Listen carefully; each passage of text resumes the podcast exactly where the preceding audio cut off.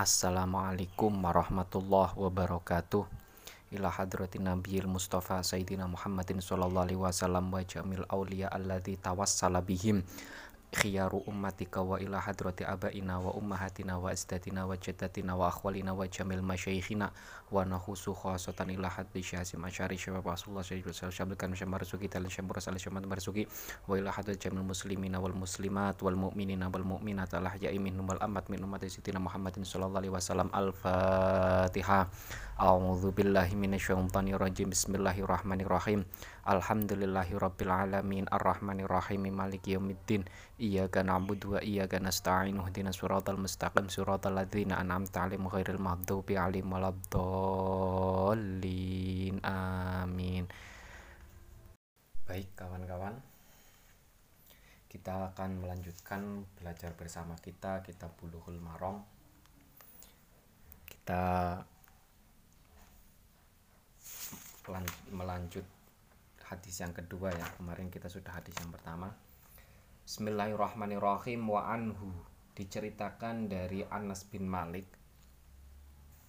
Wa anhu diceritakan dari sahabat Anas bin Malik. Kola berkata siapa Anas bin Malik? Lama kana yaumu khaybar. Pada waktu ketika hari perang khaybar Pada waktu ketika hari perang khaybar Amaro memerintahkan siapa Rasulullah Shallallahu Alaihi Wasallam kanjeng Nabi Shallallahu Alaihi Wasallam memerintahkan Abu Tolhata pada Abi Tolha Fanada kemudian memanggil siapa Fanada? Kemudian menyeru siapa Nabi? Innallaha wa Rasulahu Innallaha sesungguhnya Allah wa Rasulahu dan utusannya Allah itu yanhayani. Keduanya melarang. Itu yang hayani keduanya melarang kum pada kalian. Kum pada kalian melarang anluhu milhimaril ahliyah memakan daging keledai kampung. Anluhu milhimar al ahliyah memakan daging keledai kampung. Fa innaha sesungguhnya luhumil ahliyah itu rijesun najis muttafaqun alaih ay hadza muttafaqun alaih. Secara teks hadis ini menjelaskan bahwa sahabat apa pada waktu perang Khaybar Kanjeng Nabi itu mengatakan bahwa umat Islam dilarang untuk makan daging keledai keledai kampung. Alasannya karena keledai kampung itu adalah rij rijsun. Nah itu secara tekstual hadis. Bagaimana para ulama memahaminya? Secara garis besar dalam hal ini ada dua pendapat. Pendapat yang mengatakan haramnya keledai dan pendapat yang mengatakan tidak haramnya keledai Pendapat yang mengatakan haramnya keledai di antaranya diungkapkan atau disampaikan oleh senior-senior para sahabat, senior-senior para tabiin, ya. Di antaranya, di antaranya hadis yang menjelaskan keharaman ini disebutkan dalam hadisnya Sayyidina Ali. Namun ada benda ada sahabat lain yang mengatakan tidak haram di antaranya adalah Ibnu Abbas. Wadhahaba Ibnu Abbas ila adami tahrimil himar al-ahliyah. Menurut Imam Ibnu Abbas, himar al-ahliyah ya keledai kampung itu hukumnya tidak ha, tidak haram. Ini jelas. Pemahamannya pemahamannya begini dalam beberapa redaksi itu adalah ya di antaranya yang saya ambil itu hukum asal sesuatu itu adalah suci dan halal kecuali ada dalil yang mengatakan bahwa sesuatu itu najis dan sesuatu itu adalah haram. Itu hukum pertama yang apa yang disampaikan oleh beberapa ulama. Kemudian yang kedua, ada poin penting dalam memahami hadis ini adalah semua yang haram belum tentu najis dan semua yang najis sudah pasti har haram. Ya. Saya ulangi lagi, semua yang najis sudah pasti haram, semua yang haram belum tentu na najis. Ya. Kemudian khimar al-ahliyah, keledai. Kalau tidak ada dalil yang mengatakan bahwa keledai adalah haram, maka keledai hukumnya adalah halal. Kalau tidak ada dalil yang mengatakan bahwa keledai itu adalah najis, maka hukum asal keledai adalah su suci. Hadis ini me memberikan dua informasi penting itu. Satu, keledai hukumnya adalah najis. Untuk itu, keledai hukumnya ha haram. Hadis ini memberikan informasi begitu. Makanya sebagian sahabat ya mengatakan bahwa keledai itu hukumnya hukumnya na najis. Nah, karena hukumnya najis, maka statusnya adalah haram untuk dikonsum dikonsumsi. Nah, namun ada hadis yang disebut yang disampaikan dalam Imam apa, apa oleh Imam Abi Dawud ya. Di antaranya terkait dengan masalah ini adalah annahu jaa ila Rasulillah sallallahu alaihi wasallam Khalib ibnu Abjar fakola Khalib itu mendatangi kancing Nabi dan menyampaikan maksudnya Ya Rasulullah Asobatna sana walam yakun fi ma lima at'amu ahli illa samana khimarin. Wa innaka haramta luhumal himar al ahliyah. Kanjeng Nabi dal di wilayahku di daerahku itu sedang mengalami paceklik sedang mengalami musi musibah kehabisan pakanan gagal panen dan lain sebagainya. Kami tidak memiliki apa pun yang bisa kami makan kecuali. Ya, kecuali gaji khimar al ahliyah kecuali gajinya ya lemaknya hewan lemaknya kele keledai. Nah kemudian fakola at'im ahlaka min samani himarika. Kemudian kanjeng nabi mengatakan beri makan keluargamu dengan menggunakan gaji itu dengan menggunakan lemak dari khimar.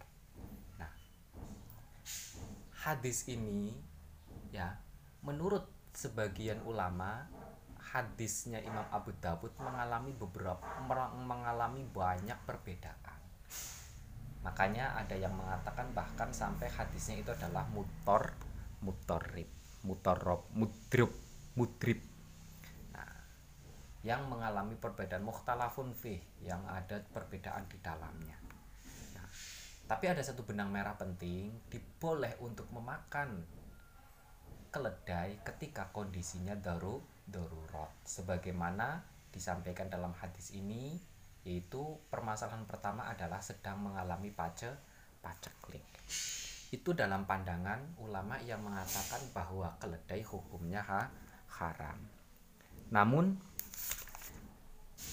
wafil Bukhari anhu la adri an anha anha min ajli annaha kanat humulatan nas am au kurimat nah sedangkan menurut apa menurut yang mengatakan boleh ada satu ada satu perspektif ya dalam Al Bukhari dalam kitabnya Al Bukhari kalau di sini disebutnya Al Bukhari pertanyaan yang muncul itu adalah apakah kanjeng Nabi melarang khimar ahliyah keledai itu dasarnya karena masyarakatnya yang kumuh ya tidak memperhatikan mana yang najis yang tidak dan lain sebagainya atau karena memang benar-benar khimar keledai itu diciptakan statusnya sebagai hewan yang na yang najis.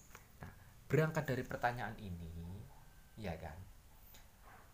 Pendekatan yang paling memungkinkan ya pendekatan yang paling memungkinkan menurut yang mengatakan bahwa boleh itu adalah karena masyarakatnya yang kumuh yang tidak memperhatikan najis dan, ti, dan tidak tapi ini ya dasar ini itu menurut sebagian ulama adalah lem, lemah. Sehingga sehingga kesimpulan beberapa apa kesimpulan kesimpulannya kita kembalikan kepada konsep yang awal tadi. Ada dalil tidak yang mengatakan bahwa khimar adalah najis. Kalau ada dalil maka khimar statusnya najis karena najis berarti har kalau tidak ada dalil berarti khimar itu statusnya suci dan statusnya suci.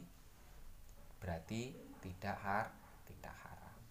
Atau bisa saja haram juga sih. Kalau suci konsekuensinya bisa apa bisa haram bisa tidak. Ya. Kalau najis statusnya pasti haram. Ya. kalau suci statusnya adalah tidak har haram. Nah karena hadisnya Anas bin Malik ini muttafaqun alai ya kan?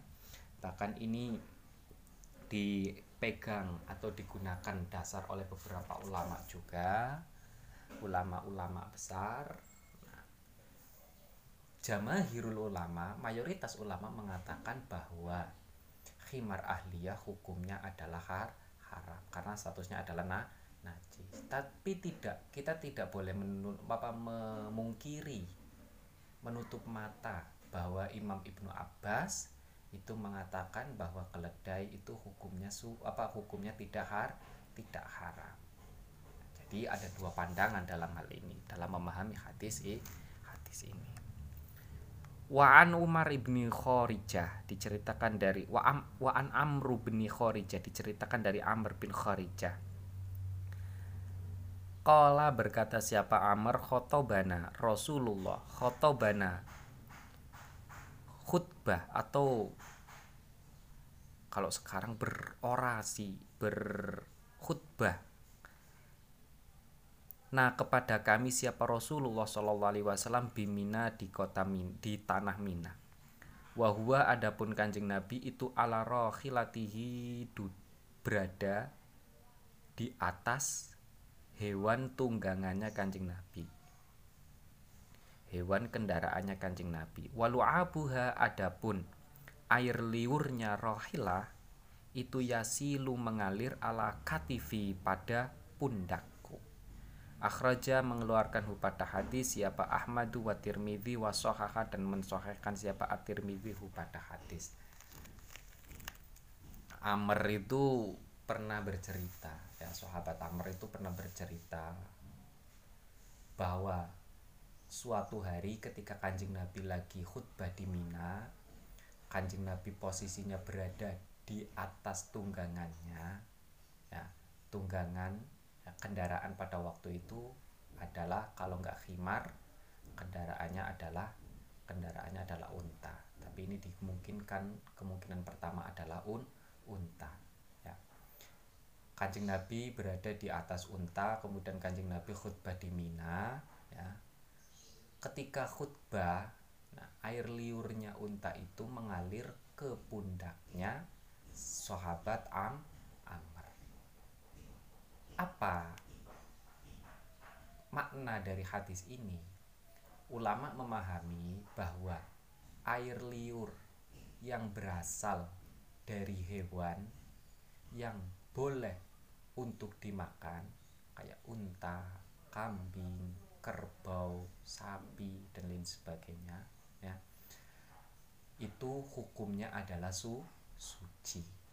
sebagaimana hewan itu bisa dimakan ya air liurnya tidak dihukumi nah tidak dihukumi najis itu makna hadis dari sahabat Amr ini ya semoga apa yang kita pelajari bisa bermanfaat. Alhamdulillahirabbil alamin Allahumma inna nastauti'uka alam tanah faradut ilaina inta hajatina ilaihi ya alamin. Kurang lebihnya mohon maaf. Billahi taufiq wal hidayah. Wassalamualaikum warahmatullahi wabarakatuh